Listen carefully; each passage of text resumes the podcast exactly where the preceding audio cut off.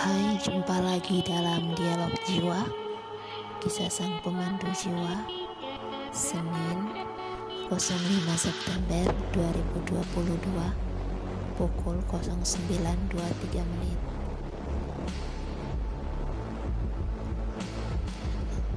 Hari ini aku akan membahas macam-macam tingkatan uh, orang-orang yang menggunakan penglaris menurut pengalaman aku penglaris makanan itu ada beberapa tingkatan. Yang pertama tingkatan rendahan. Yang kedua medium. Yang ketiga bisa aku bilang sih tingkatan paling besar atau paling ganas. Oke aku akan membahas dari yang paling pertama tingkatan rendahan Kenapa aku sebut tingkatan rendahan? Karena penglaris makanan dalam tingkatan ini dia hanya membantu untuk menarik minat atau memanggil para pelanggan. Entah masakan situannya ini enak atau enggak, tugas dia cuman untuk memanggil atau mengalihkan perhatian dari para pembeli. Sedangkan dari tingkat medium, bisa terjadi kalau makanan si penjual itu kurang enak atau kurang lezat. Tapi karena menggunakan si penglaris ini, penglaris ini bisa membantu si penjual tersebut bukan hanya mengalihkan perhatian atau pandangan para pembeli terhadap jualan-jualan dari si penjual, tapi juga turut serta ambil andil dalam membuat masakan-masakan para penjual yang tidak enak itu menjadi lezat. Sedangkan yang paling terakhir, taraf yang paling ganas menurut aku adalah si penglaris mengikat perjanjian dengan si penjual yang akhirnya akan dibayar dengan tumbal sebagai bayarannya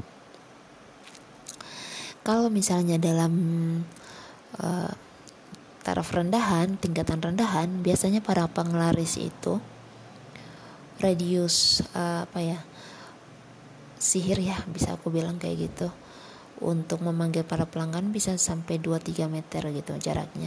Jadi ketika kalian lewat dari tempat si penjual uh, 2-3 meter itu bau dari aroma masakannya itu nanti akan mengikuti kalian gitu. Dan kalian tuh merasa kayak meskipun udah makan kenyang tapi tetap merasa kayak lapar mendadak kayak gitu.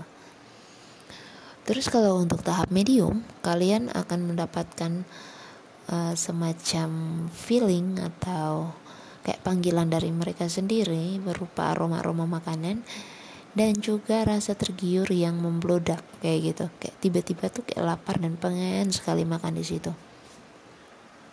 Meskipun kalian gak ada niat sama sekali kayak gitu dan uh, di kota Kupang sendiri banyak ya. Aku udah lihat mulai banyak yang menggunakan penglaris. Mungkin karena persaingan di dunia kuliner juga atau dunia bisnis gitu. Terus ada tahap paling besar paling ganas itu nanti uh, si penjual membuat uh, semacam keterikatan dengan si penglaris makanan ini atau si penglaris jualan dagangan mereka dengan tuntutan harus dibayar dengan nyawa atau dengan kurban hewan kayak gitu. Tapi biasanya tumbal-tumbal kayak gitu tuh satu dua tempat sih yang aku lihat make kayak gitu. Paling banyak di kota aku di kota Kupang tuh paling banyak tuh uh, yang menggunakan penglaris tingkat rendahan sama tingkat medium gitu. Mungkin karena rada-rada masih takut dan belum terlalu apa ya ini kan bukan asli dari kita juga bawaan dari orang-orang yang datang dari luar sih yang menggunakan penglaris. Karena sejak dulu tuh uh, aku lihat sem semenjak aku ini ya merasakan pengalaman dengan mereka tuh ya kuntilanak-kuntilanak itu atau miski-miski atau penglaris-penglaris seperti tuyul itu nggak terlalu banyak. Paling banyak tuh kuntilanak cuman itu kayak ya udah nongkrong aja di situ karena matinya kayak gini kayak gitu. Tapi nggak nggak terlalu digunakan untuk penglaris gitu. Cuman untuk menambah ilmu kekebalan tubuh mengetes ilmu hitam mereka kayak gitu aja. Tapi semenjak orang-orang luar yang menggunakan tuyul kayak gitu jenglot genderuwo datang ya maka uh, beberapa dari miske miske ini akhirnya digunakan untuk jadi penglaris makanan kayak gitu.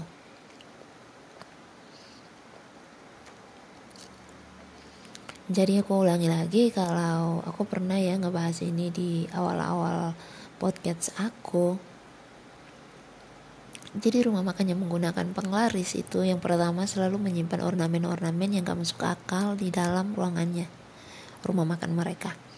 Yang kedua mereka selalu membatasi uh, para pelanggan yang datang makan untuk tidak ke dapur atau ke toilet kayak gitu. Karena barang-barang seperti itu tuh untuk ritual biasanya disimpan di dua tempat itu.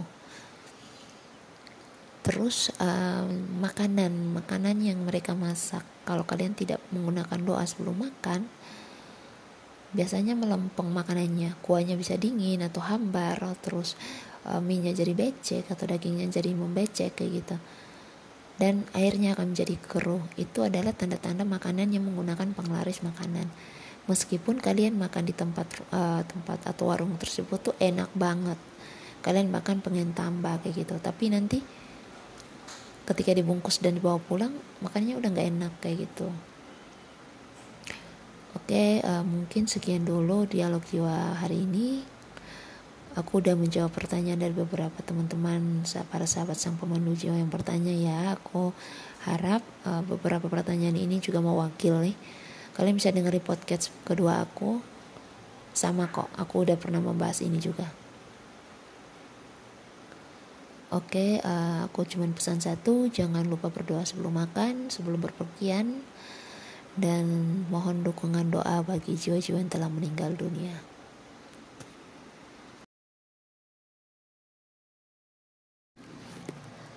Hai, jumpa lagi dalam dialog jiwa Kisah Sang Pemandu Jiwa Senin 05 September 2022 pukul 09.23 menit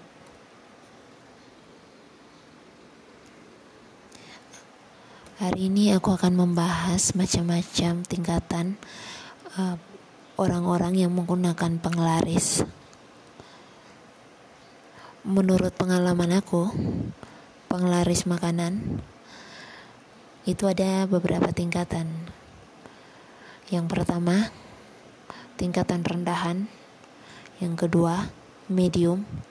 Yang ketiga, bisa aku bilang sih tingkatan paling besar atau paling ganas. Oke, aku akan membahas dari yang paling pertama, tingkatan rendahan. Kenapa aku sebut tingkatan rendahan? Karena penglaris makanan dalam tingkatan ini dia hanya membantu untuk menarik minat atau memanggil para pelanggan.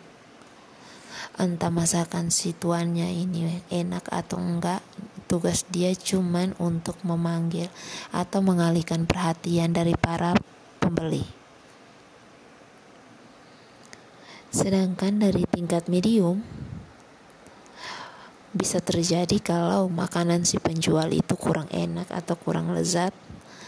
Tapi karena menggunakan si penglaris ini, penglaris ini bisa membantu si penjual tersebut bukan hanya mengalihkan perhatian atau pandangan para pembeli terhadap jualan-jualan dari si penjual, tapi juga turut serta ambil andil dalam membuat masakan-masakan para penjual yang tidak enak itu menjadi lezat. Sedangkan yang paling terakhir, taraf yang paling ganas menurut aku adalah si penglaris mengikat perjanjian dengan si penjual yang akhirnya akan dibayar dengan tumbal sebagai bayarannya. Kalau misalnya dalam uh, taraf rendahan, tingkatan rendahan, biasanya para penglaris itu radius uh, apa ya? sihir ya bisa aku bilang kayak gitu untuk memanggil para pelanggan bisa sampai 2-3 meter gitu jaraknya jadi ketika kalian lewat dari tempat si penjual uh, eh, 2-3 meter itu bau dari aroma masakannya itu nanti akan mengikuti kalian gitu dan kalian tuh merasa kayak meskipun udah makan kenyang tapi tetap merasa kayak lapar mendadak kayak gitu. Terus kalau untuk tahap medium kalian akan mendapatkan uh, semacam feeling atau kayak panggilan dari mereka sendiri berupa aroma-aroma makanan dan juga rasa tergiur yang membludak kayak gitu. Kayak tiba-tiba tuh kayak lapar dan pengen sekali makan di situ. Meskipun kalian gak ada niat sama sekali kayak gitu dan uh, di kota Kupang sendiri banyak ya. Aku udah lihat mulai banyak yang menggunakan penglaris. Mungkin karena persaingan di dunia kuliner juga atau dunia bisnis gitu. Terus ada tahap paling besar paling ganas yaitu nanti uh, si penjual membuat uh, semacam keterikatan dengan si penglaris makanan ini atau si penglaris jualan dagangan mereka dengan tuntutan harus dibayar dengan nyawa atau dengan kurban hewan kayak gitu. Tapi biasanya tumbal-tumbal kayak gitu tuh satu dua tempat sih yang aku lihat pakai kayak gitu. Paling banyak di kota aku di kota Kupang tuh paling banyak tuh uh, yang menggunakan penglaris tingkat rendahan sama tingkat medium gitu. Mungkin karena rada-rada masih takut dan belum terlalu apa ya ini kan bukan asli dari kita juga bawaan dari orang-orang yang datang dari luar sih yang menggunakan penglaris. Karena sejak dulu tuh uh, aku lihat semenjak aku ini ya merasakan pengalaman dengan mereka tuh ya kuntilanak-kuntilanak itu atau miski-miski atau penglaris-penglaris seperti tuyul itu nggak terlalu banyak. Paling banyak tuh kuntilanak cuman itu kayak ya udah nongkrong aja di situ karena matinya kayak gini kayak gitu. Tapi nggak nggak terlalu digunakan untuk penglaris gitu. Cuman untuk menambah ilmu kekebalan tubuh mengetes ilmu hitam mereka kayak gitu aja. Tapi semenjak orang-orang luar yang menggunakan tuyul kayak gitu jenglot genderuwo datang ya maka uh, beberapa dari miske miske ini akhirnya digunakan untuk jadi penglaris makanan kayak gitu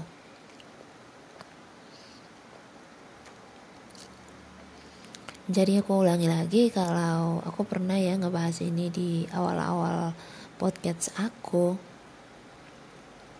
jadi rumah makan yang menggunakan penglaris itu yang pertama selalu menyimpan ornamen-ornamen yang gak masuk akal di dalam ruangannya rumah makan mereka.